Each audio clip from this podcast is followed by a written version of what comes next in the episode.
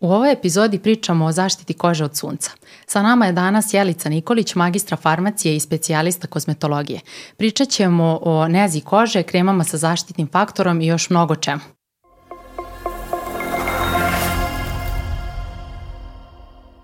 A, zašto je bitno izlagati se suncu?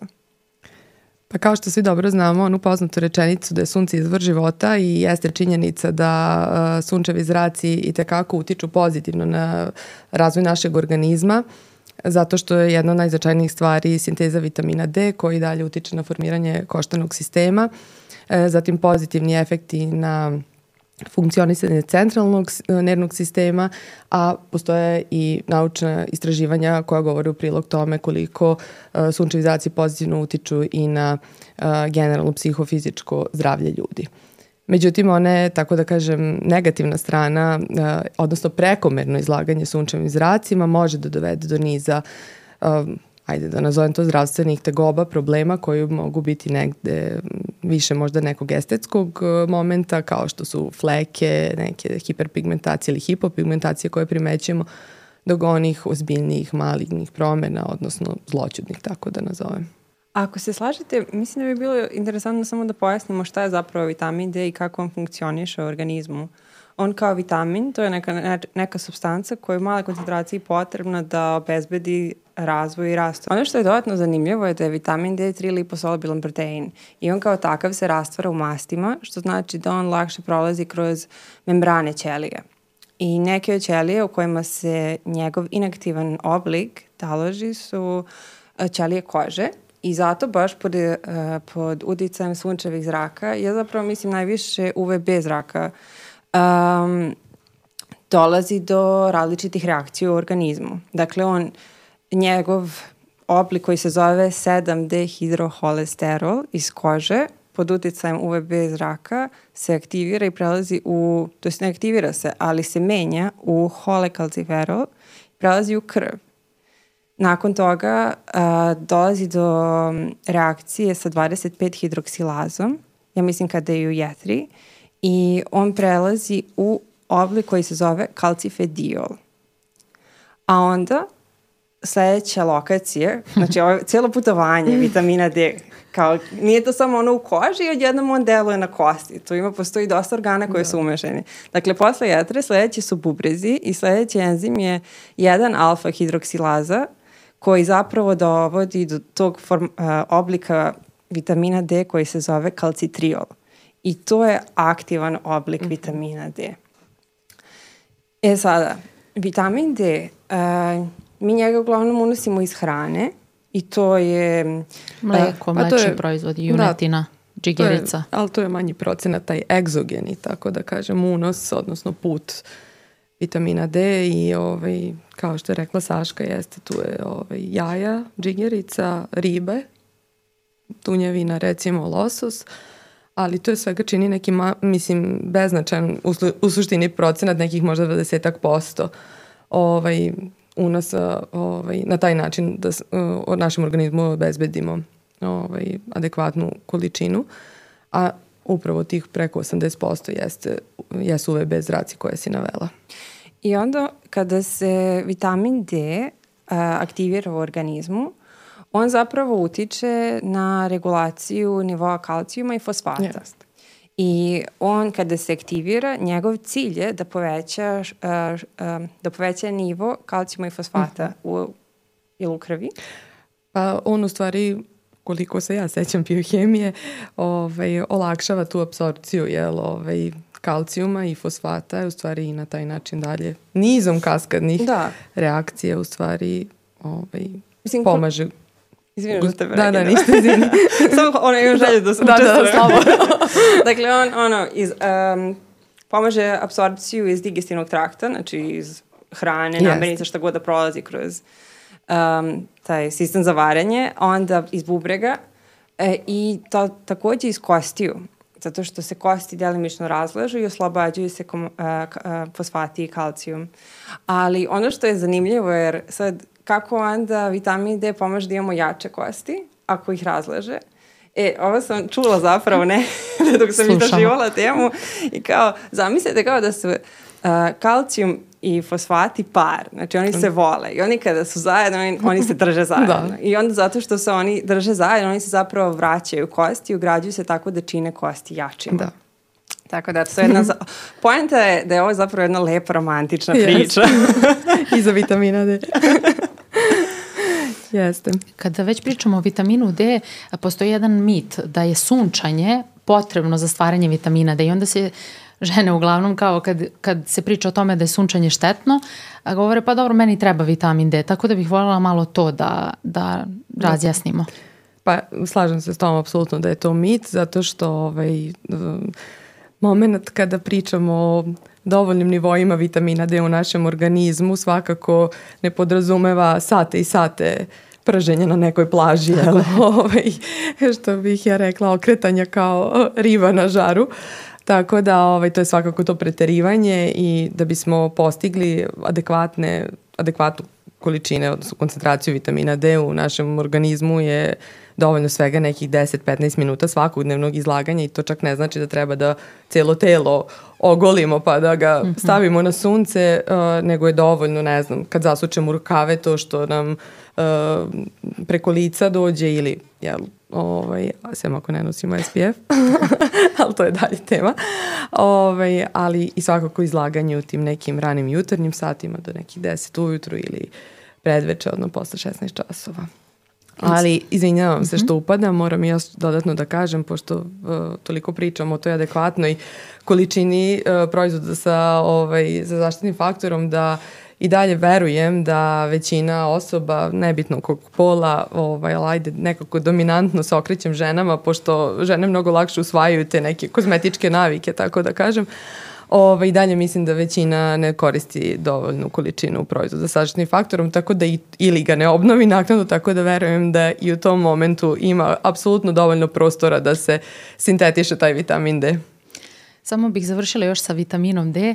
Uh, generalno može i u jutarnjim časovima kada i ne moramo baš da nanosimo SPF ono pre 10. Mislim, poželjno, ali neki ljudi jednostavno ne nanose, tako da biće ok dovoljno vitamina D. Da. A druga stvar da zaključimo sa vitaminom D, e, što se suplementacije da. tiče, e, vitaminom D suplementacija je potrebna kada postoji deficit i mislim da to nije slučaj da ljudi uglavnom koriste onako na svoju ruku kad je vitamin D u pitanju, već većina. Uh, I opet samo bih da skrenem pažnju da za suplementaciju vitaminom D je potrebno da se pre toga utvrdi nivo vitamina D Status u krvi. jeste.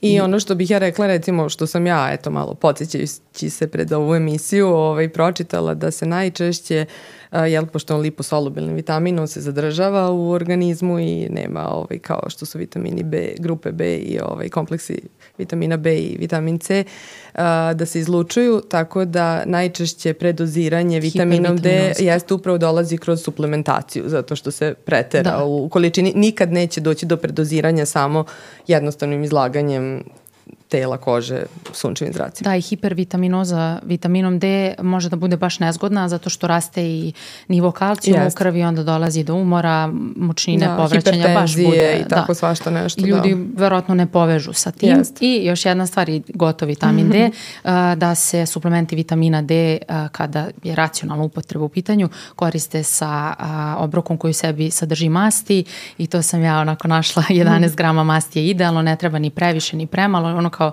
ne možeš sa burekom, neće delovati. Uh, 11 grama masti i to su neki orašasti plodovi. Onda su me ljudi pitali, dobro, ajde nam izračunaj koliko je to. E, nešto najjednostavnije kao dvadesetak badema je okej, okay, na primer, jedan pola avokada ili ne znam, malo slaninice, malo. E, hvala na ovoj informaciji, zapamtit ću. Nisam to znala. Pozorno sam pucam od vitamina D. Jedem slaninu. Grešila sam. Da, super. Ali dobro, znači, bitno je zlagati se suncu. Kao, jako je lako da se neko zastraši jer to, rak kože, fotostarenje, svakako druga oštećenja, ništa nije prijatno, naravno. Da. ali potrebno je izlagati se suncu. Ali sad, postoje cake da se to radi na bezbedniji način. Naravno. Tome ćemo kasnije, moramo da krenemo od osnova. od UVA, vreme. UVA, UVB zraka, to prvo. Od sunca. Da nam razjasniš malo razliku da. između UVA i UVB zraka. Uh, pa sunčevu svetlost u principu čini taj spektar um, vidljivog uh, zračenja, zatim ultraljubičastog i infracrvenog. E sad ono nama što je interesantno, je to ultraljubičasto zračenje, tu imamo UVA, UVB i UVC zrake, koji naravno imaju različitu biološku aktivnost i obim svog delovanja, odnosno različitu talasnu dužinu. Uh, Uh, UVC zraci su negde najopasniji, međutim oni se već filtriraju u atmosferi tako da praktično ne dolaze do uh, zemlje i ostaju nam ovi naši UVB i UVA zraci. UVB stižu do, zemljine, do zemlje, zemljene površine i do našeg tela, odnosno do naše kože, ali se zadržavaju u tom površinskom sloju, dok UVA zraci, oni najdublje prodiru i samim tim onda št, kad pričamo o njima, uh, zašto je fotostarenje ili prerano starenje kože, zato što oni ulaze u dublje slojeve, odnosno u dermis i tu dovode do određenih promena koje se kasnije manifestuju u vidu bora, hiperpigmentacija, manjka kolagena, elastina, odnosno nema više ovaj, kože tu potpornu strukturu kakvu je preimala. Tako da to je u osnovi ovaj, šta se dešava i zašto su oni toliko u stvari štetni za naš organizam, odnosno našu kožu. I to je odnos između UVA i UVB zraka nešto baš veliki, 95% UVA zraka stiže. Jeste, preko, sigurno da, preko 90% UVA, da. UVA zraka stiže i oni su u suštini, to je onako nekako lako pamtljivo kao UVA, pa A je za aging, jel, za mhm. starenje, mm -hmm. a UVB je kao burning, odnosno pekotine, zato što upravo one deluju u tom površinskom mm -hmm. sloju i one izazivaju te opekotine, dok UVA E, štetnosti UVA zraka ne vidimo na prvu, ono je kumulativno i u principu o, tek posle određenog vremena primećujemo te fleke koje se pojave, pege, kao što sam rekla, hiperpigmentacije i sve ostalo što prati prekomerno izlaganje suncu. Ali sad, kako mi možemo da se zaštitimo od toga? Možemo da se da, zaštitimo tako što ćemo se pametno izlagati suncu. Ja nisam neko ko je zagovornik kao ja nemoj sad slučajno da izađeš na sunce, umrećeš. Ovaj, um, ali prosto samo treba adekvatnu kožu pripremiti za tako nešto, osvestiti koji su sve mogući problemi. Jer opet kad pričamo jedna stvar je tog možda estetskog momenta koji je u osnovi površan, ajde, ali nas nekako u svakodnevnom životu najviše interesuje, ali tu su oni dalje ozbiljniji mnogo problemi sa kožom koje se javljaju, ovaj, odnosno razvoj kancera kože, odnosno melanoma kao najopasnijeg među njima. Tako da nije stvar samo estetike, nego zaista je i stvar zdravlja. Uh, Eh, a štitimo se tako upotrebom proizvoda sa zaštitnim faktorom i adekvatnom odećom koja dodatno će da pokrije određene delove tela i pametnom izlaganju suncu, odnosno da se ne izlažemo kada je sunčevo zračenje najjače, a to je najčešće od 10 do 16 časova.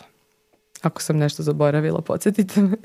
ja bih samo se ovde osvrnula na solarium. Smatram da kod nas je još uvek, nažalost, koristi u velikoj meri solarium. Uh, iako ja ne želim da verujem u to, ali vidim da je ipak to praksa i solarium jako štetan. I generalno odmah bih napomenula to da ne postoji bezbedno sunčanje u smislu sunčanje u, u cilju dobijanja Da, boje. Da, boje kože, da. znači ne postoji bezbedno. Da. Ja bih tu, ja bih napravila razliku izlaganje suncu i sunčanje, jer znamo kad da, se da, kaže da, da. sunčanje na šta, na šta mislimo. Mislim. I solarium je stvarno jako, jako štetan i a, postoji procenat, ne znam baš da li da kažem to jer je to, ono kao plašim se da ne zastrašim ljude, ali um, istraživanja pokazuju da, um, iz, da iz, to, je, to jest korišćenje solariuma pre 35. godine povećava mm -hmm a, rizik od nastanka raka kože za čak 75%. Da. E, ja imam tu istu informaciju. Da, ja e, sad ja ne bih da zastrašujem ljude, ali opet jeste, mislim, to je činjenica i poznajem a, neke ljude koji su, to jest žene uglavnom, koje su a, imale rak kože, sva sreća na vreme su to otkrile i sredile. Međutim, ja sam koristila u srednjoj školi tri ili četiri puta, ono kao sve što ne treba. ja kao... Grešili smo. tri, tri ili četiri puta i kao ne plašim se, nego kao, ok, osvestila sam da. pre tri, 4 da. pet da. godina da ne treba i stvarno je veliki problem i broj slučajeva a, koji broj slučajeva raka kože koji su nastale kao posledica izlaganja prekomernom izlaga, prekomernog izlaganja suncu kao i korišćenja solarijuma je veći nego broj slučaja koji postoji, broj slučaja raka a, koji je nastao zbog upotrebe cigareta. Znači to je stvarno onako da. zabrinjavajuće. Pa da, mislim. Kod taj... nas i dalje koristi, nažalost. Pa da, taj solarium je ono, mislim, on je u početku, ono 70. godine imao neku kao dobru medicinsku svrhu za sunčanje kože, ne znam, kod psorijaze i tako nečega i mislim u principu je uh, u početku samo on emitovao UVA zrake i u određenoj dozi, verovatno mm -hmm. je to mhm. tad bilo prilagođeno, međutim vremenom se shvatilo jel, kako on može lepo da proizvede ovaj, boju, odnosno da da preplanulu ten Ovaj, I onda je to tako korišćeno i onda su shvatili da bi mogli da dodaju i UVB zrake, pa da su onda su zato oni u naše vreme nastali ti turbo solarijumi da, tako zvani. Da, imaju neki sa nekim zelenim svetlom, ja ne znam da. više, uglavnom smatram da je I oni su naravno skratili to vreme izlaganja, kao više ne sunčaš se pola sata da bi došao do iste boje, nego si skratio to na ne znam nekoliko minuta do desetak. Međutim, naravno, to zračenje je bilo još jače i, mislim, agresivnije i onda je na kraju su, je vremenom jel, smo svi shvatili da nije samo stvar da li ćeš onako, pošto su i devojke i solarium umele da izađu, da su pregorele, odnosno u smislu da imaju neke blaži obliko pekotina na koži ili tako nešto, slično. I, ovaj, ali te pekotine su bile možda uslovno rečeno najmanji problem u svemu tome, nego se onda opet shvatilo da dolazi do degradacije kolagena, da prosto ovaj, koža posle određenog vremena dehidrirana, smežurana, ne izgleda lepo. Uh, i ovaj, na kraju krajeva mislim da treba da se prekine taj trend generalno. Mislim da, da, da preplanuli, da, da prepla, preplanuli ten uopšte nije u modi. Mislim da, ovaj, da to ne treba da bude moda i stvar trenda. Mislim, ja kapiram da će ono, uvek biti ljudi kao šta me briga. pa da, da. Ali ono što možemo da uradimo je da pozovemo da ono, kogod da ima priliku da ode kod dermatologa na redovne kontrole, da ako ima neki mladež koji je asimetričan, veliki, brzo raste, da, da ga prekontroliše. Kao Naravno. prosto da ako već ne može da doli porivu da. kvarcovanja, onda da već ono da. ima svijest o tome da više vodi računa o sebi. Da, ali ono, mislim, otprilike i od tog pokretanja celog kaskadnog tog odgovora našeg, imunološkog odgovora našeg organizma i šta se sve tu dešava, mislim, naravno žene u tom momentu o tome ne razmišljaju, nego je samo kao daj da dobijem boju. Uh, ali u principu, ovaj, da ne kažem da se dešavaju neke infekcije, mislim, je upitna je nekada i higijena tog solariuma zaista, tako da ovaj, ima zaista više stvari ono protiv Nekad. nego za o, o, otići, mislim, ali prvi, prvi stvar je zdravlje na prvom mestu, mislim, zaista. Mada ja nekako iskreno, ja sad u svom okruženju ne znam nikog koji ide u solarijum, moram da priznam i bez da ikog ovaj, osuđujem, ali onako kad vidim uh, preplanula osobu na ulici, a mislim ja sam se prepoznata boja i solarijuma, da. nekad sam u fazonu zašto, dođe mi da pitam, ali kao nije moja stvar. Definitivno da. da. I kao što je Jovana rekla, a, ja ne bih to tako rekla, ali Jovana je tu da nam održava balans. Ja, ja sam da- filter. Ona, da, da, ja, ja bih to zabranila. Slobode. pa dobro, ja jeste. Ovaj, u nekim državama i zabranjeno. Jeste, od Amerike krenulo da se pre svega zabrani ono de, deca, mislim, mlađe od 18 godina. Uh, i da ne, ne smeju da rade nestručna lica, šta god to značilo, ali da moraju da imaju valjda neku osnovnu obuku ili, i na kraju kraja sad i pozo, postoje upozorenja, ono, solarium može da izove raka kože, da ne kažem kao na cigaretama što stoji ovaj, e, za, protiv pušenja, tako da, odnosno, jel, kao pušenje štetno utiče na zdravlje, tako da i za solarium to stoji, tako da i kod nas je valjda urađen neki pravilnik ili izmene, da isto sad kao ne bi trebalo mlađe od 18 godina, mada ne znam kako to izgleda u praksi, iskreno. Mislim, ja ono, nikad nisam verovala da će u životu biti na strani pro solariju, nisam. Ali, ali eto, ko ima neko ko sluša ovaj podcast i upozorujem, šta me briga za rak kože, šta me briga za infekciju, kao eto, da se prosto seti da ipak treba da voli računa o sebi. Da. E, I prolazno je, mislim, prolazna je ta boja, efekti koje ostavlja su mnogo duži. Tako je. Da se vratimo mi na kremu sa zaštitnim faktorom, mislim da nam je to sad yes, na redu. Yes, i generalno a, baš se dosta priča o kremama sa zaštitnim faktorom i kao mislimo da većina sve zna, ali opet u praksi a, mislim da se zna polovično. Slažem se. Mm, tako da, da, šta je krema sa zaštitnim faktorom, odnosno šta je SPF, da. a, zašta se koristi i tako dalje, ima puno pitanja. Da, proizvodi sa zaštitnim faktorom su oni koji se koristi kako bi smo zaštitili, kako i sam naziv njihov kaže, zaštitili kožu od negativni, negativnog dejstva uh, sunčevih zraka.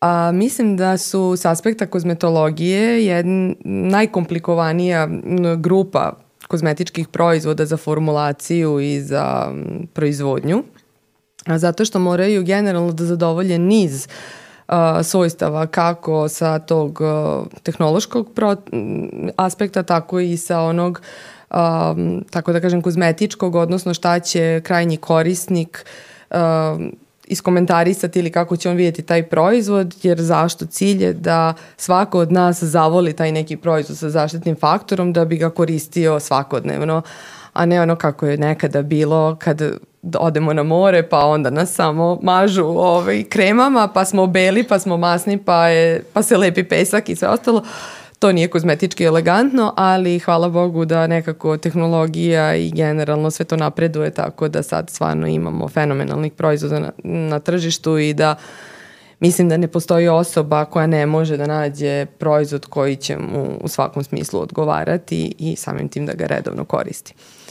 A, kada pričamo negde o tim zahtevima, znači on mora pre svega da bude efikasan, uh, E, mora da bude stabilan, e, ne sme da reaguje na loš način sa kožom ili sluzokožom, ne sme da bude toksičan, a, e, mora da zadovolji taj njih za aplikativnih svojstava, da se lako razmazuje, da ne ostavlja taj masan trag koji bi nam smetao, um, da ne reaguje negde sa komponentama kože u tom smislu, tako da stvarno ima jako, uh, da ne prolazi ovaj, um, krvno moždanu krvno, barijeru. Krvno moždanu barijeru, da, ili mislim u svakom slučaju da deluje samim tim toksično na ovaj uh, na naš organizam. Tako da zaista je uspeh kreirati jedan proizvod sa zaštitnim faktorom i kad pričamo negde o domaćim proizvođačima kozmetike koje ja uvek podržavam nekako i cenim, uh, mnoge među njima, uh, iako primećujemo niko još od domaćih manje više, pogotovo sitnih, nije kreirao svoj proizvod sa zaštitnim faktorom, zato što je to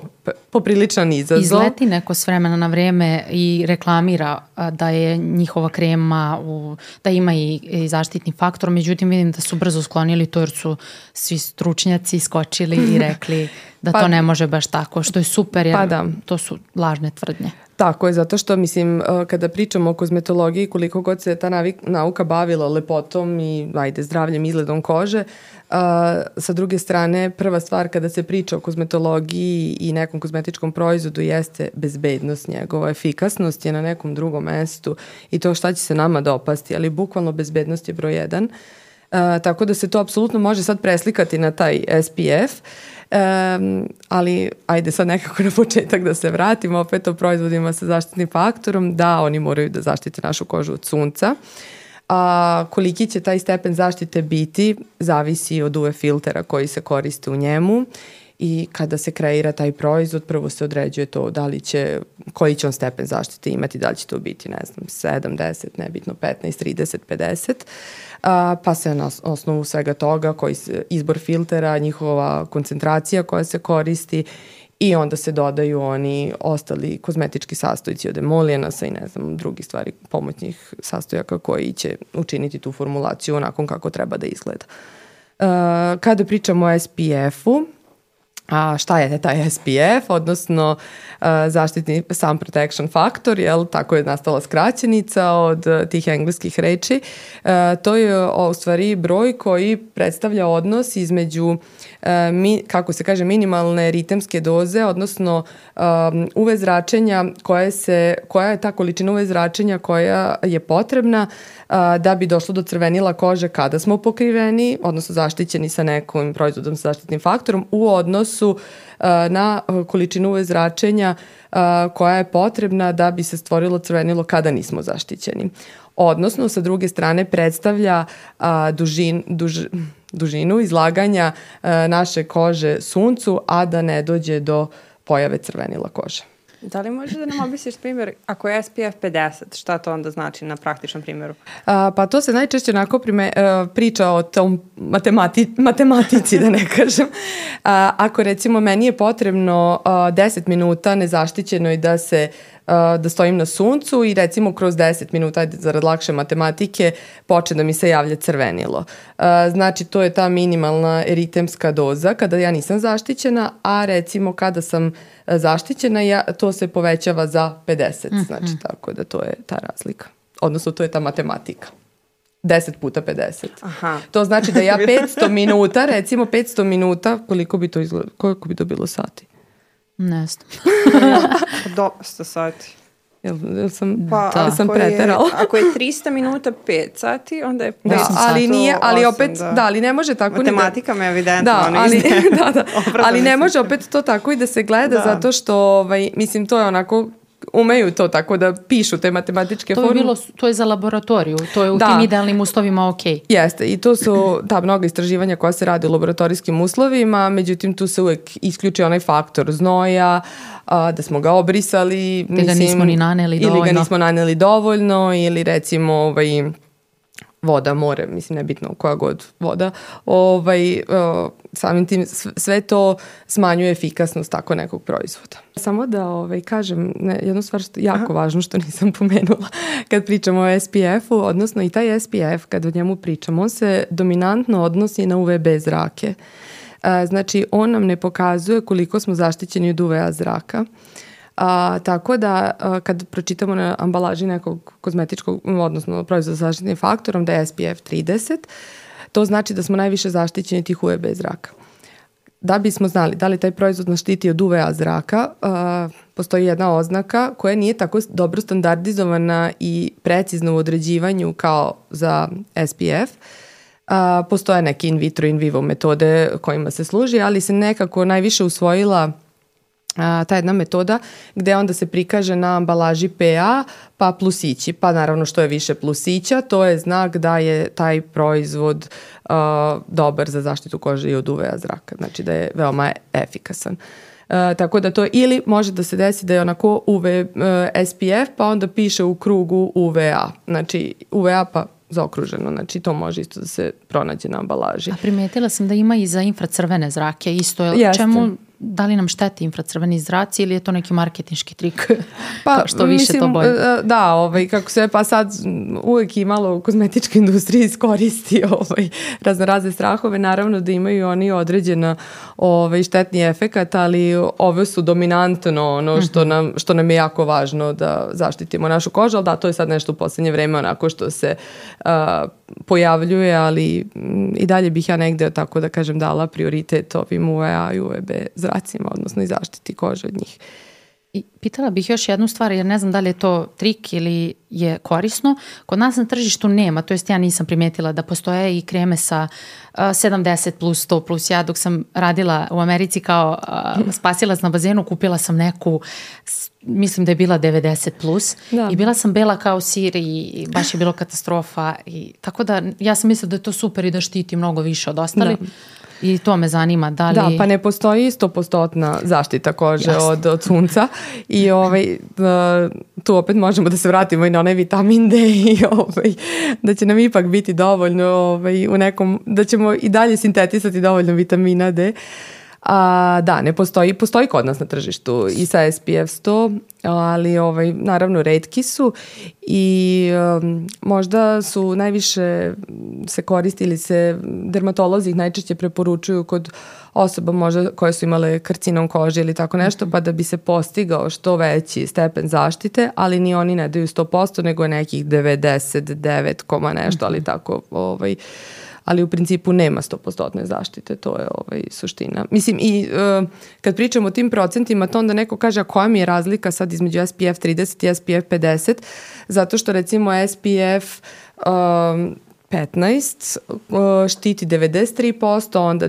SPF 30 e, štiti 96% i SPF 50 je recimo 8, tako otprilike. Tako da ovaj, jesmo blizu 100%, ali 100% ne postoji. Mhm. Mislim, onih tih, taj mali procent možemo da postignemo tako što ćemo se kloniti tog um, doba dana kada je najintenzivnije sunčevo zračenje nositi zaštitnu garderobu, aksesoare u smislu kape, šešire, naočare i šta već. A kad si pomenula već odeću, postoji odeća sa tim nekim zaštitnim faktorom. Sad, ja se da. ne bih opterećivala još i sa pa tim, da. ali čisto Za decu znam da je korisno, eto, da pomenemo kad već Jest, pričamo. Da, decu često ovaj, oblače onda postoje, ali sad ne znam koliko je, mislim da je samim tim što je već telo pokriveno negde, ajde, dovoljno Da, tako postoji reći. specijalna odeća za to. Da, tako postoji, sad. da, ali ne znam koliko mislim. se u to praksi, mislim, da. ne znam.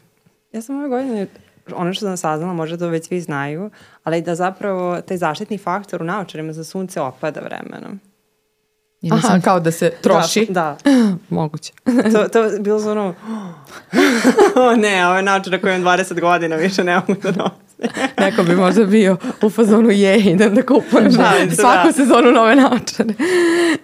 nisam to znala. Da, nisam ni. Mislim, ona možda i nije. Ali, to je informacija koju sam dobila ove godine prema što da. kupila nove načare. da.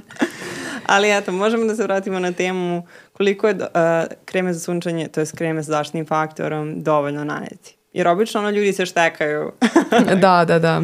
E, ovaj, pa kaže negde 170 grama recimo kreme da bi bilo dovoljno za pet aplikacija kada bi adekvatnu količinu koristili. Za celo telo? Da. Ovaj, to je jedna ovaj- tuba, 170 grama, ništa da. nam to ovako... Da, pa da. da.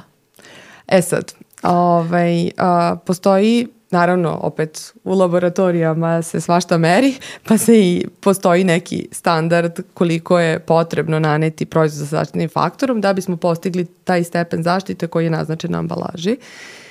To je 2 mg po centimetru kvadratnom kože, jako komplikovano da. ako mene pitaš.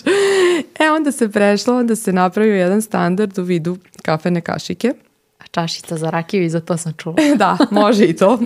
Šta kome više prija. da li da jedi ili pije. Ove, tako da za lice i vrat ide jedna kafena kašika, a onda za svaku ruku po jedna, trup i noge su po dve kafene kašike. Dobro, to je okej. Okay. Kod nas na faksu je bilo mm. ono sa prstima. Za prstima. Od vrha pa, prsta um, do kraja. Sada, ovaj, sada ono što vidimo na društvenim mrežama da svi vučemo pr po da. prstima. Da. To se negde merenjem, onako ima gomila i klipova na tu temu, uzme se upravo ta kafena kašika pa se povlači ovaj, da se vidi da li će se ona popuniti. Uh, jeste negde ok približno, ali opet jako puno zavisi od same teksture tog proizvoda, koliko je on gust, ako je neki fluid, nema razlije, šanse da. da će to da se zadrži i apsolutno ne možemo biti sigurni opet da smo naneli tu količinu proizvoda koja je zaista potrebna.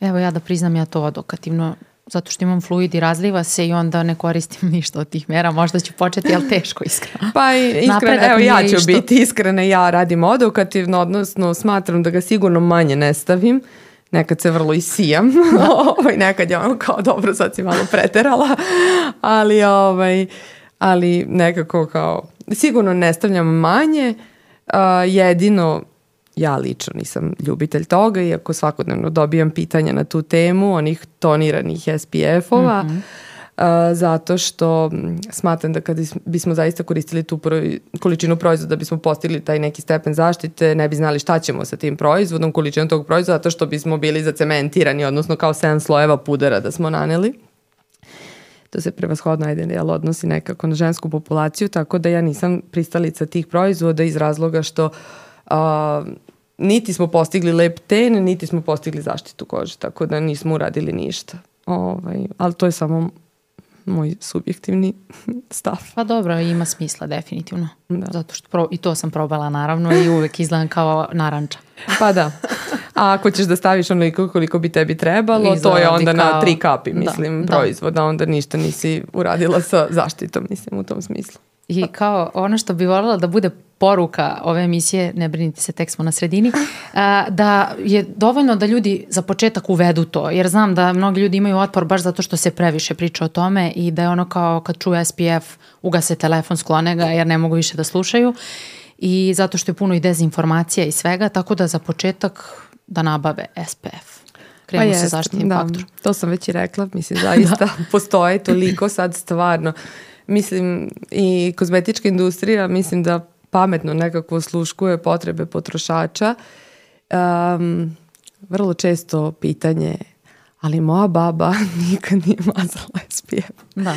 Zašto je sad meni potreban? Ja kažem, slažem se, ali mislim da ni uh, količina tog štetnog zračenja nije bila, ajde sada da ne pričamo o ozonskim rupama i ostalo, to je stvar jedan. Stvar dva, ja kažem, u svo dužno poštovanje, ali uh, pronađi sliku svoje bake da, sam. sa, u tvojim godinama pa ćeš vidjeti kako ti izgledaš a kako je ona izgledala mislim žene su mnogo brže starile Jest. mislim i to je negde mislim estetika i lepota nije bila toliko dominantna kao danas danas se opet sta, svi borimo protiv tog starenja i mm. u prilog tome ako želimo mislim zaštitni faktor je jedan od osnovnih stvari koje treba da koristimo da bismo koliko toliko odložili to odnosno malo usporili taj sat. I ono što mene ljudi često pitaju jeste da li mogu kremu za telo da mažu na lice. I uh, kao što si rekla, uh, industrija osluškuje potrebe, to jest ne bih rekla potrebe, nego traže ovaj... Pa dobro, izvor zarade. Izvor zarade, da, ali dobro, nema veze i onda ima previše proizvoda, ljudi često ne mogu da se odluče. Onda kad se odluče, tu je cena isto mm, znak pitanja zato što kvalitetne kreme sa kvalitetnim sastojcima su dosta skuplje od ovih koje mogu da se nađu u uh, onako, koje, drogerijske, sam se da, dobro da. izrazila, da. da medicinska kozmetika je dosta skuplja i onda mene ljudi pitaju ako već kupimo nešto za telo, da li možemo da mažemo na lice, A, može, naravno, pošto uve filteri koji se koriste, jednako, jednaki se koriste i za telo i za lice. Stvar je više u ostatku formulacije, odnosno ove za kožu lica se prave da su to kozmetički elegantne, da nisu mm -hmm. masne, kao što sam već pričala, da ne ostavljaju toliko bele tragove, da se brzo upijaju, da se lepo ponašaju ispod šminke. Znači sve ono što je nama kao korisnicima e, bitno. Uh, a, dok za telo ćemo mnogo lakše odabrati šta god iskreno, tako da ovaj, i na kraju krajeva to za telo se možda najviše koristi tokom odlaska na neku more, odmor, kako god. A, period kada ćemo se intenzivno izlagati suncu, realno takve proizvode ne koristimo baš toliko ono, u gradskim uslovima kada smo radno aktivni i kad smo mahom ili nam je pokrivena, pokriveno telo, tako da ovaj, uh, da mogu da se koriste ako je to nekom ok kad nanese taj proizvod za telo na lice i nema problem sa tim. U suprotnom, nije okej. Okay. Pa da, ja sam imala negativno iskustvo, uh, upalo mi u oko to za telo na medicini jadi i onda sam bolovala pola dana i proklinjala sam taj SPF. Meni Baš mi je suzilo, bolelo me. Let, letovanju, da, upalo mi u oko, cijelo letovanje ja sam samo plakala i onda sam jedan dan preskočila, onda sam se osludila, imam alergiju na sunce i to je tako bilo tužno. e, ali, tamo... ali mislim, mogu da se dese, e, mislim i to da li će se desiti to kad upadne uh, određeni neki filteri mogu da daju to suzanje otvaranje očiju, ali to je opet krajnje individualno. Ne može se reći e, sad da, taj UV filter će sigurno to da uradi, tako da beskrajno je individualno, da. mislim, i od osetljivosti možda nečeg oka i mislim generalno kakvi smo, tako da. Ja sam se naoružala, eh, što, Ajde. kada je alergija na te da neke sastojke u pitanju, alergija kože na te kreme sa zaštitnim faktorima, neki ljudi su jednostavno imaju takav, takvu konstituciju da. i dešava se, moja jedna drugarica je probala 10 i kao htela već da odustane, međutim ja sam bila uporna i rekla sigurno postoji neki koji će ti odgovarati i postojate i neki hemijski filteri, hemijske substance koje su onako malo, uh, imaju taj jači alergeni potencijal i sad uh, ne bih da čitam toliko detaljno, ali samo bih eh, navela grupu, e, to su benzofenoni i dibenzoil metani i takođe e, PABA, pomozi mm -hmm. mi, mhm. paraminobenzojeva kiselina. I, i, I derivati e, paraminobenzoeve kiseline. To su neki česti alergeni koji neće kod većine ljudi da izazove, da, da se razumemo, ali kod nekih hoće, ali to nije razlog da prestanu, nego jednostavno da nađu nešto što pa, im odgovara. Da, i sve to što si nabrojala spada u te uh, organske absorbere, odnosno u te hemijske e, filtere. Ovaj, o kojima još nismo pričali, jel? Kao koje su da sve da vrste ovaj, a, tih UV filtera. Ajde, možda, znači, postoje te dve grupe. E, jedno su te neorganske čestice, a, ovaj, a, a drugo su, kao što sam rekla, hemijski absorberi. E, Eh, ili organske, organske eh, odnosno eh, hemijski filteri, to je zastareli naziv, hemijski se više ne koristi zato što sve je hemija.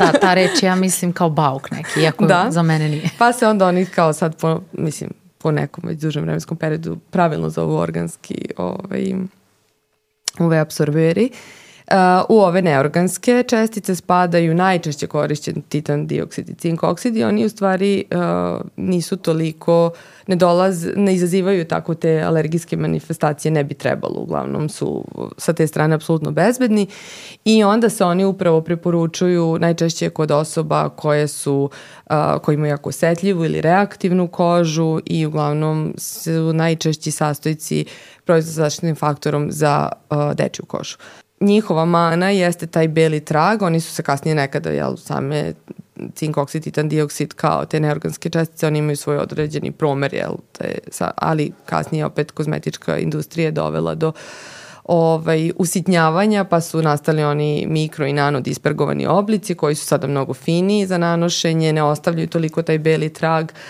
I samim tim, pošto te neorganske čestice, one u principu reflektuju, odbijaju jel, sunčeve zrake od površine naše kože, ali kako je došlo do a, smanjenja veličine tih čestica, tako oni sad delimično mogu i da absorbuju kao ovaj, ovi, a, po starom nazivu, hemijski filteri. Uh, Sa druge strane, hemijski filteri oni absorbuju UV zračenje, ali ga emituju u vidu manje štetne, štetnog zračenja, odaju tu toplotu, jel? tako da ovaj, na taj način štite našu kožu ovaj, od negativnog sunčevog zračenja i da ne dođe dalje do oštećenja i uglavnom te, m, tako da kažem, negativne, odnosno loše reakcije kože e, se dešavaju sa tim hemijskim filterima, ali čak ako osoba nije sigurna, mislim koji za svaku kozmetiku, ali i to iskreno redko ko radi, jedino baš ako neko zna da je preosedljiv pa da bi se zaštitio, može da se koristi onaj patch test, jel, da se mhm. ovaj, e, predvidi da li će doći do neke odložene uh, E, reakcije kože na taj određeni kozmetički proizvod, može da se nanosi tu, znači iza uha na vratu ili na e, podlaktici, ostavi se 24 časa i da se vidi kako će koža reagovati, da li će doći do razvoja neke alergijske reakcije. Ako ne dođe, onda bi trebalo da je on dalje bezbedan za upotrebu, pa čak i kod nekih osoba osetljive kože, ali opet kažem, stepen osetljivosti zaista je različit. Po tvom mišljenju, koji je bolji? A, I još dodatno pitanje, rekla si, ok, za decu, i jel a, e, to važi i za trudnice, ovi... A, e, Pa, titan da, dioksid to je borba sa vetrenjačama. ovaj, e, jedno od omiljenih pitanja, trudna sam koji SPF smem da koristim, da, to je, to je onaj, onaj zastrašivanje i onaj strah koji se širi društvenim mrežama. Uh, ja nisam ne znam, ja sam više okrenuta ovima sa hemijskim u filterima zato što se oni prosto su kozmetički elegantni ja nisam neko ko je osetljiv, meni odgovaraju i prijaju. Uh, pošto u trudnoću neću da zalazim i to je mhm. negde onako stvar ličnog izbora šta će da koristi generalno od kozmetike, uvek naglasim ako nećete da mislite šta ste naneli na kožu, kupite mineralni, ovaj, mm -hmm. sa mineralnim filterima neki proizvodi kao ne brinite o tome iako zaista mislim da je više stvar panike i dizanja panike nego ovaj, neke realne štetnosti. Mislim, Zato što po... se mali procenat se resorbuje, yes. to je pre, prolazi tu kožnu barijeru i da, vidim sada da a, eh, pominju a, eh, te kreme sa zaštitnim faktorom sa non-nano oblicima i to je sad nova neka fora i ok, možda je dobro, ne kažem ništa, pa, ali onda se vratno da. teško razmazuje. Da, pa I to non nano kao da, da ne upravo prođe. ne sme biti to mikro i nano dispergovan zato što su i onda i oni kao prolaze pa kao non nano onda su to u principu da. čestice da. klasičnog promera ovaj, i onda one ostavljaju beli trag. Mislim meni čak lično ni taj beli trag ne, ne smeta. smeta. to je sad stvar mislim ličnog izbora. E, meni je uvijek prva stvar da sam zaštićena, a onda ovaj, sve ostalo, mislim kako ću, ok kad mi je negde posao i to naravno da sad, ali kad je nešto opušteno i kad je ili odmor ili tako nešto, baš me briga, mislim da. bitno mi je da sam zaštitila kožu. Pa, samo bih se osvrnula još na to zastrašivanje, izvinjavam se. A, stigao mi jednom jedan video gde je moj omiljeni podcaster Andrew Huberman priča o SPF-u i kaže kao SPF prolazi krvno-moždanu barijeru, to jest on je rekao, u tom mm -hmm. videu je bilo uh, zaključak kako te substance prolaze kroz krvno-moždanu barijeru i kako on ne koristi, mada to mi nije čudno zato što je on muško i generalno, nažalost, muškarci dosta manje koriste. Da. I ja, ja nisam mogla da verujem. Rekao, nije moguće da on ovako priča, znam da uvek lepo sve objasni i naravno kad sam našla ceo video koji traje sat vremena, on je to mnogo detaljnije objasnio i rekao da neke, neke substance da. prolaze u jako maloj meri i da je to još pod istraživanjem, tako da to zastrašivanja, ja sam već bila u elementu, sad ću da mu piše mail. ne, ja... Sad ću online da ga ubijem. A ne, zato što ga mnogo cenim, onda tako neko iseče taj A da, video da, format što, i zastraši, da. ima 10 miliona pregleda i zastraši celu Srbiju i, da. i još dodatno. e, meni je negde ono, moj utisak je da iako konkretno ajde Instagram kao meni dominantna mreža jel, o, ovaj, na, kojoj, na kojoj sam, a, nekako i dalje mislim koliko god ima tih sve više stručnih profila i koliko god pokušavamo da osvestimo pratioce o važnosti upotrebe takvih proizvoda i dalje mislim da nas nadjačaju, nadglasaju. On, Kratki formati. tako je i te dezinformacije zato što prosto strah prodaje i to je to. Mislim, koliko nekad mislim kao borba s vetrenjačama, ali izdržat ćemo. izdržat ćemo. ali baš zato mi se sviđa što si stvarila današnju diskusiju s time što si naznačila da je bezbednost na prvom mestu, pa se tek onda niveliše efikasnost. Tako da sve to što je dostupno, da on ima etiketu da je može se naći, na primjer, apoteci, kao to su bezbedni proizvodi. Pa, ne, i ajde sa druge strane da pričamo. Mislim, e, Saška je pomenula, jeste, jedan, kozmetička industrija je jedna od uh, najprofitabilnijih industrija generalno. I da, cilj im je profit, ali s druge strane, zašto bi neko sebi skočio u stomak i zašto bi stvorio nešto što će da izazove uh, e, niz loših događaja, šta god to bilo, i da dođe na crnu listu i da nestane. Pa valjda mu je cilj da stvara i da, ne znam, da bude prisutan na tržištu godinama, decenijama, a ne da nestane posle nekog proizvoda, mislim, tako da moj lični utisak uvek ima i tu negde pozadina svega i svačega, ne kažem, ali um, Treća stvar, treće moje razmišljanje isto kad mi kažu tako i kad je SPF i kad nije SPF, a šta ovo, šta ono, ja kažem, vrlo često su ljudi licemerni. Um, kad ovo sve budem navela, nemam ništa protiv jedne stvari, ali ljudi se loše hrane, konzumiraju alkohol, cigarete, drogu. E, da, drogu, vode neuredne živote i sad je kao jako važno što smo naneli na kožu. Mislim, tako da, jel, ono, kao i one mitovi, koža resorbuje se preko 60% ili ne znam šta, pa mislim ne bi bili na ovoj planeti prisutni ni dana kad bi se to tako bilo, tako da ima tu mnogo aspekata ovaj, da bi sve to tako bilo jednostavno, jeste štetno, nije štetno, mislim. Sledeća stvar ulje za sunčanje, kad smo na moru i ljudi koji... E da, izvinjavam se, sad slobodno. ja, sad, ja sad ne, ne, ne. se vraćam. I recimo, slobodno. kad, uh, nisam odgovorila ovaj, na to apoteka i kreme i to. Um, recimo što se tiče Evropske unije, pošto je tu na snazi kozmetička direktiva, uh, tu postoji recimo aneks lista 7, nadam se da nisam lupila, uh, A, tu postoji spisak dozvoljenih UV filtera i maksimalno dozvoljene koncentracije koje mogu da se koriste u proizvodima sa zaštitnim faktorom.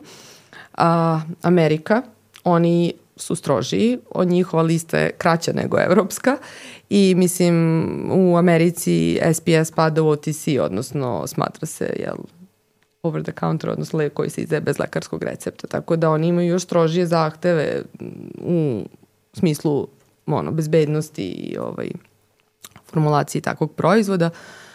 Koreja, odnosno Azija, oni su najopušteniji u svemu tome.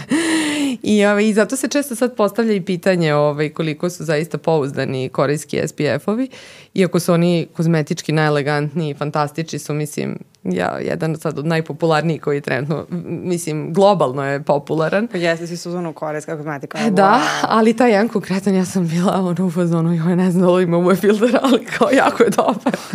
kao nadam se sad, dok ne grene jako sunce ću da ga koristim, onda, ću, ne, onda neću.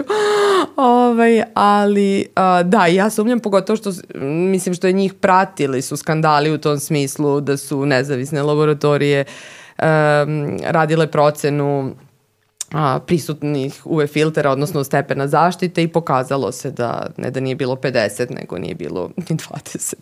tako da bilo je par skandala sa njihovim SPF-ovima, tako da uh, ako treba da gledamo, treba da gledamo da su to negde možda američki ili evropski proizvođači, tako da oni ipak moraju da zadovolje nekih njih propisa da bi se uopšte našli na tržištu. Što ne mora striktno biti da je to dermokozmetika, mislim da se prodaje u apoteci, to može biti i nekog drugerijskog ranga, mm ali mhm. mislim da je samo možda potekla sa ovih kontinenta.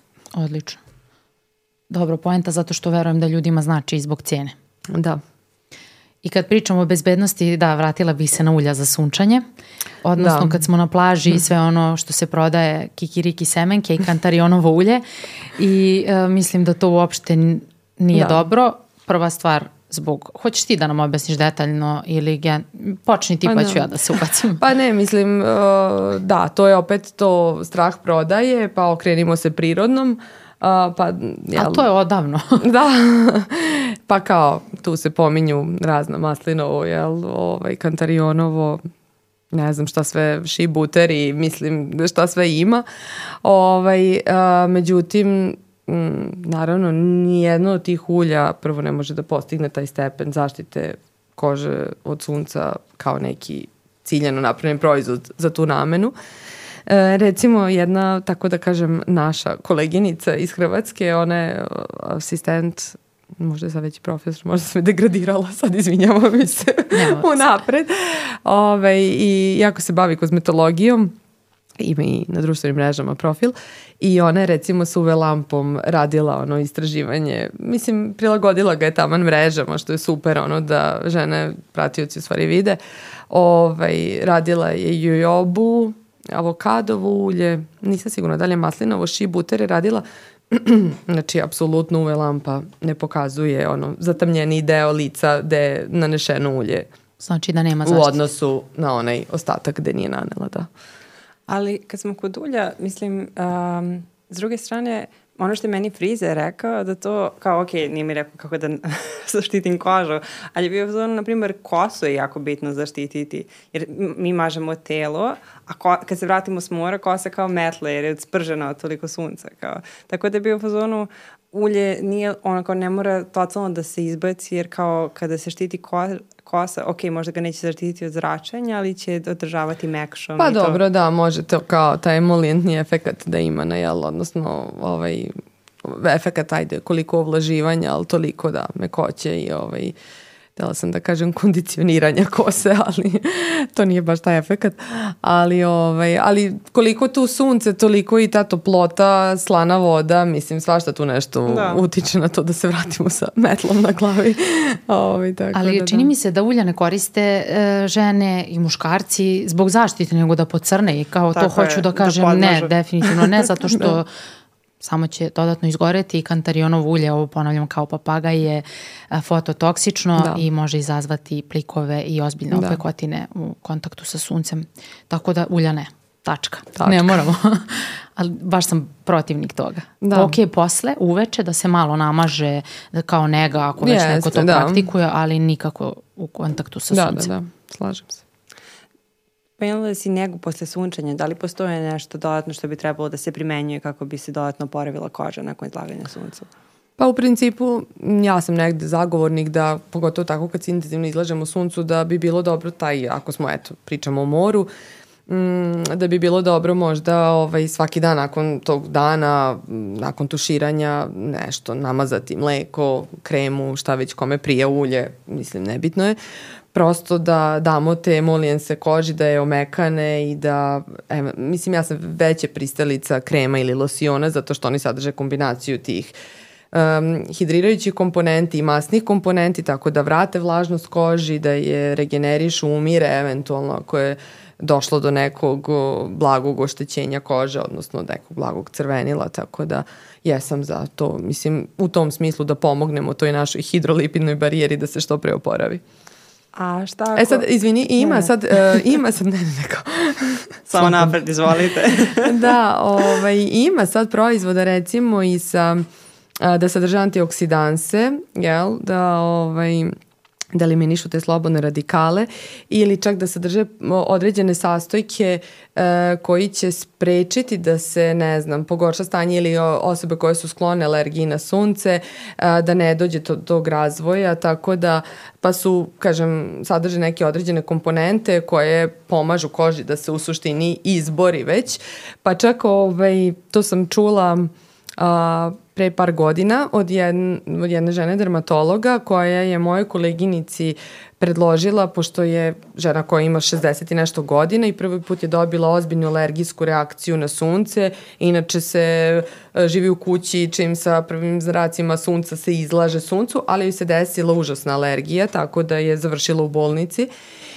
I onda je ona nju savjetovala da recimo određeni preparati mogu da pomognu, iako se koriste za negu posle sunčanja, da se mogu koristiti uslovno rečeno preventivno za pripremu kože za izlaganje suncu, zato što sadržava određene antioksidanse i praktično pune te depoje u koži i da na taj način uh, učinimo kožu otpornom. Mislim, je li ta alergija na sunce ne mora da bude urođena? Mislim, jasno nam je da možemo da je steknemo, ali da nikad ne znamo kada će se desiti. Mislim da, ako nam se nikad nije desila, ne znači da neće, to hoću da kažem. Ja bih te sama pitala ako bi nam dala primer koji su to ili sastojci na koje može da se obrati pažnju ako bi neko želeo da... U tim negujućim antioksidantima, da. da pa ovde, ne znam, u ovom, u ovom konkretnom proizvodu je, morala bih da pogledam liko, nešto, nešto jako specifično. ne znam, Znam za likopen da ima, ali pa, nije dobro, to. Pa dobro, da, jel? nije, nije to. Mislim, generalno od antioksidanasa, od vitamina, koenzima, uh, Uh, ku, mislim, mnogi drugi još sastojci koji dolaze, ovaj, koji se smatraju antioksidansima, mislim, generalno sve to može da pomogne. U ovom konkretnom proizvodu koji taj puni depoje i to je baš neka specifična, da ne kažem, ajde, možda nije neki njihov izmišljeni, ali ovaj, nije čest toliko u kozmetici. Ali ovaj, svakom slučaju, ako se pametno sunčamo, mislim nezavisno sad od alergije, ali opet ako se pametno izlažemo, ako ne preterujemo, e, ne bi trebali da dođe nekih oštećenja, nego da nam ta upotreba neke kreme ili nečega samo bude za neku prosto ono negu i za regeneraciju kože. Čini mi se da sve više i više ljudi prijavljuje, evo javila mi se da alergija na sunce, nikad toga nisam mm -hmm. i onda to nekako dolazi kao šok, a ono kad neko ima alergijsku reakciju na koži, često ljudi posežu ka kortikosteroidima, da. što je Ja bih tu problem. preporučila ako dobije alergiju na sunce sa dermatologom da se posavetuje pa da. kortikosteroidi na svoju ruku ne, Absolutno, neću dalje, da. uopšte ne moramo da komentarišemo na svoju ruku. Da. Druga stvar, sad smo pričali, to jest pri, pomenula si alergijsku reakciju na sunce i ja bih se tu svrnula na lekove koji mogu da mhm. izazovu mm -hmm. a, baš takvu reakciju i a, postoje lekovi koji su fototoksični, koji dovode do fototoksičnosti i postoje lekovi koji dovode do fotoalergije. Uh, I to je sličan, sad nebitno da, da ne ulazimo u mehanizam, uglavnom uh, to je isto, veliki broj ljudi pije razne lekove i uh, može i to da se desi, da uopšte ne povežu da je od toga i velika grupa, to jest velika je lista lekova koji u kontaktu sa suncem sun, i pre, prekomernim prekomernom izla, prekomernim izlaganjem sunčevim zracima mogu da dovedu do alergijske reakcije i tu su i antibiotici i antidiabetici, oralni kontraceptivi, nesteroidni antiinflamatorni lekovi lista je ogromna da. i to ne znači da će svako ko pije tu terapiju, većina ljudi neće da, da, da razvije tu a, fotoalergijsku reakciju ili fototoksičnu, da. ali ako se nekom desi, može ako već pije neku terapiju da pogleda, ok, ja pijem ovo daj da vidim neželjene efekte, možda je to slučaj. I sad kad se već to desi, jako je važno da se reaguje ako je neka ozbiljna reakcija kao što je u pa tom da, slučaju mislim, bila. Da, Ove, ovaj, hm, pa Dost... mislim, alergijske da, reakcije mogu da se jave do onih na, blagih. Na, ko, alergijske reakcije kože na sunce. Mogu da se jave od tih blagi, da to bude samo neki svrab, crvenilo, osipa, može da se javljaju i ono neki čvorići, plikovi i tako dalje, mislim sad. Da, to može je, baš biti i ozbiljno. Jeste, i, ovaj, i ta kao polimorfna erupcija Da, zapisala sam je svetlosna erupcija. To je najčešći oblik alergijske ove, ovaj, reakcije na sunce i u principu ona daje te iste simptome koje sam uh, navela, tako da ovaj, a, i najčešće se javlja ono vrat, dekolte, uh, podlaktice, uh, odnosno nadlaktice i ovaj, podkolenice. Tu se najčešće javljaju i ok, nekad je potrebna terapija jer, mm -hmm. koju će da pro, propiše lekar. Uh, Ovaj, ali uz to treba prilagoditi i to, ajde, tako da kažem, nefarmakološke mere primeniti, odnosno uh, koristiti određenu kozmetiku, jer postoje sad opet i proizvodi sa zaštitnim faktorom koji su baš namenjeni koži koja je sklona alergiji na sunce, uh, pa su i tu i UV filteri prilagođeni kao ovaj, i ostatak te formulacije. Uh, I naravno izlagati se pametno ovaj, suncu i na kraju kraja kad se desi ta alergija povući se, mislim, na nastaviti dalje u istom ritmu. Ja bih samo da se nadovežem na ono što si spomenula, fototoksični lekovi. Ako neko primeti da ima fototoksičnu reakciju, da ne obustavlja terapiju na svoju da, ruku. Da. Ok, sklonite se od sunca, da. ali nemojte da prestanete da pijete lekove. Da, da, slažem se. Odlično, da. odlično. Da. A, Ja bih pomenula suplement koji može da pomogne osobama koje su alergične na sunce da. ili koje misle da to jesu, a, ali se preterano izlažu i mnogo je toga na tržištu što se reklamira kao da je namenjeno baš protiv alergije na sunce, međutim jako mali broj toga je stvarno dokazan i tu je jedan egzotičan suplement koji se zove Polypodium leukotomos od biljke a, Phlebodium aureum i um, postoji kod nas na tržištu, a, doziranje je 7,5 mg po kilogramu, mm -hmm. da kažemo za jednu prosječnu osobu, kao što sam ja, jedno 70 kg. to su dve kapsule dnevno, pošto te e, kapsule dolaze u obliku, ne znam, 250, 240 mg na dan, a, tako da, da, to je doziranje i kako se primenjuje. Znači, ako idemo na more, može i ranije da se počne, ali nema neki efekat. Bukvalno, uh, ako odemo na more, 24 sata pre nego što se izložimo suncu prva doza, mm -hmm. onda sutradan pre nego što odemo na plažu, um, uh, sat vremena pre toga mm -hmm. i onda se treba da se ponavlja u zavisnosti toga koliko osoba bude na suncu, neka 2-3 sata mm -hmm. nakon ove, da kažem, druge doze. Znači prva doza 24 sata, druga doza 2 sata nakon, pre izlaganja, suncu. da, i treća doza ono, ponavljati da, nakon 2 do 3 sata. I uh, ovaj, um, ovaj suplement je dobar i kod osoba koje imaju psorijazu i smanjuje to, štiti kožu od UV zračenja tako što uh, poboljšava antioksidativno dejstvo, smanjuje to neko oštećenje od UV mhm. zraka, sad da ne ulazimo u te da. celularne mehanizme, da. ali generalno štiti i taj DNK kože i Jasno. štiti. I stvarno to je jedan jedini za koji postoje studije -hmm. Ostalo sve, to oni a, beta karoten, da. likopen, astaks, astaksantin, uvek, se, uvek zabodem, astaksantin, oni su okej okay zato što su antioksidansi, da. ali neće oni dati tu da, zaštitu. Da, to jest, da. nije dokazano. Da. I onda kao vidim da mnogi reklamiraju to u tom kontekstu, ali A, mislim nema potrebe da. onda bolje kupiti jedan kvalitetan Proid. suplement da. i to ne mora svako da koristi, nego ljudi koji znaju da imaju problema. I naravno to nije zamena za kremu sa zaštitnim da. faktorom. Da. Krema sa, kada, kada se traže suplementi prvo izlazi krema sa zaštitnim faktorom pa onda ovo. Da.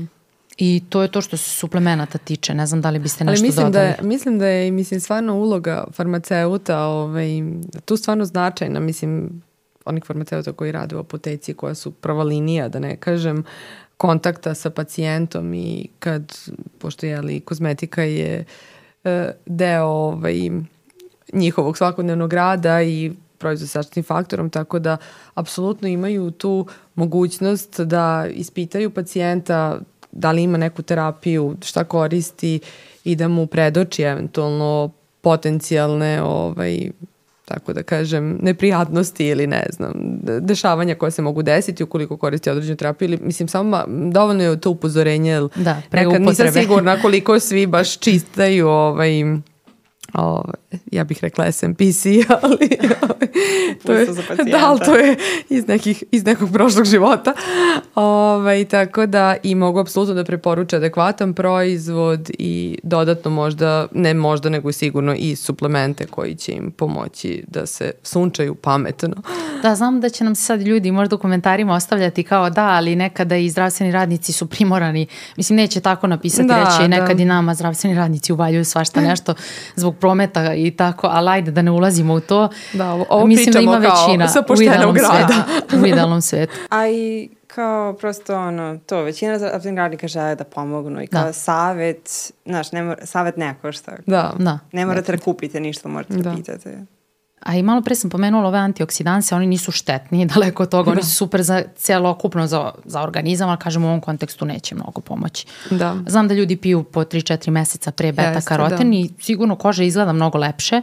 Ja sam pila likopen jedno vreme i stvarno mi je koža bila super, ali kažem, da. to je zbog tog antioksidantnog dejstva, a da. generalno čuvam se sad od sunca, sad. E, ja imam pitanje ovako praktično, u smislu rok trajanja preparata, jer kao nekada ljudima ostane od prošlog leta krema za sunčanje, jednostavno pa šta, kao poneću, iako mm. kad se otvori piše ili šest meseci ili... Da, za SPF-ove najčešće 12 meseci, bar ono što ja viđam. Ovaj, pa mislim jako je važno da, ovaj, da se po, proizvod potroši u tom periodu nakon otvaranja. Uh, To je ona mala teglica sa brojem i slovom M u, u, u sklopu teglice. Ovaj, uglavnom je 12 meseci, ovaj, tako da trebalo bi da se proizvod potroši ili da se baci, mislim po meni. Ali opet ja umem da se našalim pa da kažem aha, ako vam je ostalo to znači da niste dovoljno koristili proizvoda. Ove, ovaj, tako da jako je važno uh, e, sa aspekta bezbednosti tog proizvoda. Upravo pričala sam na početku koliko i nije ni malo jednostavno napraviti, odnosno formulisati taj proizvod i s obzirom da je efikasnost i njegova bezbednost na prvom mestu, prvom drugom mestu, ovaj, samim tim a, može da dođe do narušavanja stabilnosti takvog proizvoda i onda mislim, čemu riskirati otprilike da se desi neka alergijska reakcija mislim to može i ne mora, a s druge strane da je on apsolutno neefikasan posle ti godinu dana i da u principu kao nešto mažemo, a da on ne radi ništa. Ono što nismo a, pomenuli, ali sad kad si to rekla tokom cijele godine moram prvo na to da se osvrnem, da li je potrebno da mažemo kremu sa zaštitnim faktorom dok smo u kući, da li prolaze a, sunčevi zraci kroz staklo, znam da neki prolaze, ali da. eto detaljno, detaljnije malo da nam objasniš, I to me zanima. Kad smo u kući, ja radim od kuće, evo, i neću da ga mašem. pa to je, okay, to je u redu. Da, li... da to je ove, ovaj, isto jedno od uh, top 5 pitanja u SPF-u. Ove, ovaj, a, da, sunčevi zraci, odnosno UVA zraci prolaze ovaj, prozorsko staklo ti koji su nam odgovorni jel, za starenje kože, ali potpuno je nonsens da neko sedi u kući i da maže kremu sa zaštitnim faktorom. Uh, sem ako baš neko nije priljubljen za prozor da. i mislim provede, ne znam, x, y sati i tako. Tako da, naravno da nema poente i nema potrebe, uh, ali ukoliko je neko ko je radno aktivan, ko ujutru odmah izlazi, ide na posao ili prosto mu je dan takav da puno vremena provodi na polju, da, ti bi trebalo, ti, mhm. ti bi ljudi trebali da mažu taj zaštitni faktor. E sad zimi se mnogi od njih kao pa nije, ne znam, zračenje jako ili ga nema. Uh, često svi gledaju ono u, ne, u telefonima uz vremensku prognozu pa kao tu piše jel, zračenje kakvo je, pa, ovaj, ali to se opet sve odnosi prevashodno na te UVB e zrake, a ne na UVA koji su konstantno prisutni i jednako su jaki tokom čitave godine. A kada onda već pričamo o lepoti, onda je, ovaj, nameće se ta upotreba faktora tokom cele godine, ne mora da bude možda faktor 50, ali faktor 30 je u redu, mada i tu vrlo često kad bi ga ih poredili ne postoje neke razlike u teksturi proizvoda ili nešto, pošto to isto svi mnogo, mnogi misle, aha, ako je manji stepen zaštite, onda je kao on lakši ili kakav god, sad to kozmetička industrija, to im je ovaj, a, laki događaj da pređu taj moment teksture, tako da, ovaj, tako da tu nemamo problema, tako da ali stvar je navike. Mislim, meni je SPF moja dnevna krema, ja o tome ne razmišljam. Mislim, mm -hmm. sedela napolju, jutro ja već po automatizmu to stavljam. Mm -hmm. I znači kao to je okej okay, kao hidratacija pa nađem te proizvode pa, koji dobro, mi prijaju da, i da ne koji... kupujemo 200 proizvoda. Da, da, da, ovaj, kako se zove, tako da pronađem ono što mi prija, ali naravno dešava se, ne znam, uvek to ja dam nekad njima i kroz savjetovalište primere iz svog života da bi shvatili, ja kao subota, decembar, kiša pada, napolju katastrofa, naravno neću staviti tad ni taj da. SPF, nego ću staviti neku kremu, logično, ono kao neću izlaziti napolje, tako da ovaj... Tako, tako ja vidim stvari. A koliko puta bi dnevno trebalo obnavljati kremu sa, da, postavljanje kreme sa SPF-om? Pa obnavljanje je a, opet stvar naše aktivnosti. A, ako m, mm, uzet ću primjer sebe, recimo ustanem, stavim taj faktor, odem na posao i sedim na 7 sati zatvorena, nema potrebe da ga obnavljam, ali pre izlaska sa posla, recimo, opet ću naneti, ako je napolju lep sunčan dan ili nebitno i da je oblačno, opet UV zraci prolaze, pre toga izlazim, naneću ga. Sad opet postoje i ti SPF-ovi koji su super komfortni za obnavljanje, ne mora to opet biti sloj te iste kreme koju smo naneli ujutru, sad postoje sprejevi, stikovi i tako dalje. Ovaj, šta već kome prija.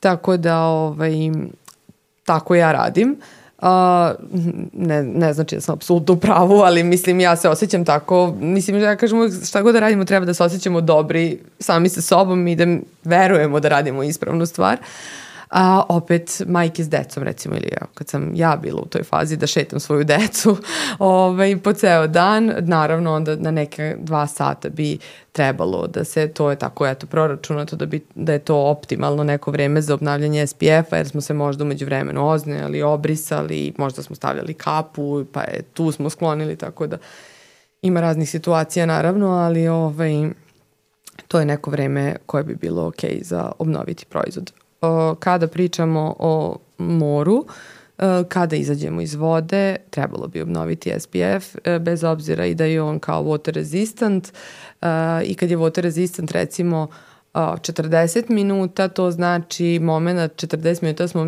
mislim, voda ga neće sprati, ok, mi smo zaštićeni u vodi, ali neki 40 minuta od momenta u u vodu, ulazku u vodu. Ove, ovaj, to opet ne znači da kad izađemo iz vode ne treba da obnovimo faktor, jel pogotovo kada se obrišemo peškirom ili istuširamo se pa se prebrišemo ili nešto nesemo, opet ćemo prosto mehaničkim trenjem ćemo skinuti taj zaštitni faktor. Jovana je na početku, kad smo se pripremali, postavila jedno zanimljivo pitanje. A, koje delove najčešće zaboravljamo da mažemo? Mislim da su to uši. Uši, Da. Da, mislim da su uši. Mislim da i stopala. To, da. da. ono, mislim, jednom kad izgore stopala, nikad više. Ja prvo mažem stopala, pa onda sve Pa onda uši. da. Ali da. ima, ima tako ono delova koje prosto ljudi da. su noš. Mislim da su uši. A ima ljudi koji samo mažu nos. Taj fenomen mi je baš zanimljiv. Da. A, Kao dobro. najistoreniji da. deo I još jedno popularno pitanje, kreme za samopotamnjivanje. A, da li je, ako već ne žele ljudi da se izlažu suncu, opet neke dame, žene i muškarci žele taj taman ten, da li su e, kreme za samopotamnjivanje onda samopotamnjivanje bolja opcija? Jesu, da. Uh, pa mislim to je deo isto kozmetičke industrije ovaj, i to mislim da je sad da, sa, da, kako je, raste svest o štetnosti solariuma, raste svest o ovaj, adekvatnoj zaštiti od sunca i raste upotreba proizvoda samo potamnjivanje. E, da, mislim da je to ok rešenje. Manje više e, nema tu puno sad nekih molekula koji dovode do tog e, tamnjenja kože, tako da vrlo su sličnog svi sastava. Sad je samo stvar eto to kako ko nanosi, razmazuje koliko ta boja ostaje i ostalo to, taj čisto kozmetički moment, ali da, jesu definitivno bolje opcije, svakako nisu štetni kao solarium ili izlaganje suncu bez zaštite. Da, ali meni je zanimljivo kao a, koža tamni kao odgovor na oštećenje. Mm Da. To, da. stvaraju se melanociti i onda tamni da. kao, zašto da, to radimo? Da, se boji kože, da, ali mislim pa dobro ima žena koje žele da prosto da, imaju da, tamni okay, ten. Da, okej, nego da. meni kao kad razmišljam, mislim bila sam ja ta žena pre, sunčala sam se kad sam bila u srednjoj školi baš puno i kao pokušali su, mama mi je rekla nemoj, ali nije mi ovako detaljno objasnila, izvini mama. Ali kažem, baš sam se sunčala i zato imam sad kožu koja onako ima malo žvakastiju teksturu i tako. Mislim, ja sad to ispravljam ali kažem, nije, svi smo, ali većina mislim da nas da je, je to nekad tada, bila ta žena. da, ali mislim da je to tad nekada i bio trend, mislim, otprilike gledaš razliku od kupaćeg, onako kao da. ko je nabio veću razliku, taj je dobro prošao na moru. Ovaj, ali mislim da sad nekako ne znam, da, da mlađe generacije ne, možda ja grešim, ali da nemaju to tako kao sad moram da budem crna, tamna eto, opet se vraćam na taj solarium, ja stvarno ne znam, ne sad zato što imam određen broj godina, ali imam i, mislim, i od mojih prijatelji imaju, ajde, prevashodno, verovatno to bi devojčice žela ili devojke mlade, ali stvarno ne znam nekog da ide u solarium i ne viđam toliko na ulici uh, jako preplanuo ten. Pomenuli smo Ili se samo... ja stvari to nadam, da. Ali možda i to nada umire poslednja. Ali mislim da je manji broj definitivno, zato što se svest povećala. A nekako imam osjećaj da sam pre mnogo više učavala i solarium kao ono, pogra... mislim, da. lokale, tako da sad to više toliko Aj. često ne vidim, ne znam. Ali ja kad god odem u neki salon, uvek ima solarium i uvek Stvarno? je pun. Da. Uvek ima i stalno se menjaju ljudi. Da tako da, da se ajde još... na pogrešnim mestima ili pa, na pravima. još malo, da, još malo da se podigne svesti i to će da se zatvori. Da. A, pomenuli smo samo rak kože, ne znam da li smo pričale o tome, ali generalno ja samo želim početku, da, da kažem da je, da ne zastrašujemo ljude u smislu a, pregled je jako važan i rak kože izlečiv ako se otkrije na vreme da. i to baš je veliki procenat izlečenja Jeste. kada se otkrije na vreme. Samo što iskreno, evo, ja ne znam koliko je tu razvijena svest posete dermatologu, eto, makar jednom godišnje. Jednom godišnje, da se... tako je, na onu dermos, dermoskopiju, tako da je. se pregledaju detaljno mladeži. Ne znam koliko je tu. Ono što ja primećujem da, bar ono ljudi naše godina, vrlo su skloni ignorisanju problema, u smislu kao imam neki to mladež, nemam ga, ga volim na drugu stranu. Tako sad ga da. ne vidimo. da, da. A sad bi bilo okej okay da kažemo mi da li smo mi išli na preglede. Mislim da bi to bilo fair. Jeste, Kad ja poslednji put? Da, ja sam išla, Leo, nisam, re, nisam redovna toliko da. koliko bi trebala da budem. Ja imam zakazano sledeće nedelje. A zato si nas to sam pitala. pre godinu i po dana. Da, opet prošao pa taj. Pa ja mislim da sam, da, kod sigurno poslednji put bilo pre jedno dve godine, to iskreno. Ali ja baš imam puno mladeža, pa moram da vodim računa i već sam morala, imala sam dve promene koje su bile mm ozbiljnije kao posljedica tog sunčanja, verovatno, u srednjoj školi. I morala sam da skinem, krenule su neke promene, ali kažem na vreme, pa jako... Pa da lagana, mislim nije bila lagana, ali ono, hiruška intervencija i sad da. moram da pazim. I ono što je zanimljivo uh, jeste da oni mladeži od kojih nikada ne bih očekivala da će da, da me izdaju, to su neki mali i kao kažu mi lekari ovo moramo da pratimo, tako da jako je važno da bude stručno lice. Da, jeste, ja sam to ovaj, kada sam prvi put otišla na pregled i kao isto kad mi je tako rekla ovaj, ovaj, ko, kao što taj vidi kako je mali. Da, nikakav. Neki nikakav. Da, uvek nekako očekujemo od nekih velikih ili vočljivih prosto, ovaj, da li po boji obliku ili otko znam, ovaj, ispupčenosti, jel, mm -hmm. odnosno njegovom, ovaj, da li u koži ili iznad. Ovaj, tako da nekako od tih možda očekujemo kao to nešto, a u stvari bude tako vrlo često ovaj, neka možda tačkica. Da. Jovana? Ja sam išla u novembru. Bravo. Idem svake godine na okvir sistematsko. Kao... Odlično. I a, još samo da ne zaboravimo ja našu... Ja sam ispala najgore. Nema. sad ću ja, za... ja, ja ću da zakažem sada. za dve nedelje idem. I samo za kraj da ne zaboravimo i naše muškarce, pošto mi njih nekako uvek pominjemo sad, zato što želimo i njih da pokrenemo na akciju. A, da li misliš da je i dalje to neki kao veliki, velika razlika između da muškarci generalno slabije koriste? Da. da. Ali počeli su. Pa mi dalje mislite velika razlika.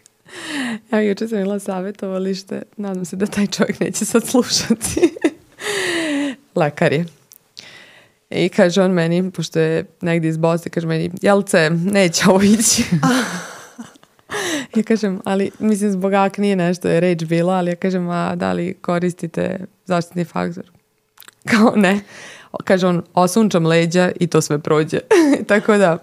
ja mislim da samo treba biti onako uh, asertivan s njima i da treba biti uporan. I prihvate na kraju. Ja pa znam, da. u mojoj kući ja to tako podmećem svuda po kući i onda kao malo, malo i evo sad, moj tata, na primjer, ne može kremu sa SPF-om, to još imamo da radimo, ali generalno ove kreme neke za hidrataciju, jer da. stvarno fotooštićenje je vidljivo i vidim i da smeta i peče pa, i da. boli. Da. Tako da to polako, nekako suptilno.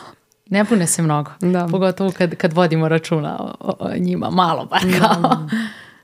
Ne znam, ali dalje mislim da, ovaj, da ima tu baš puno posla. Da. ima da se radi.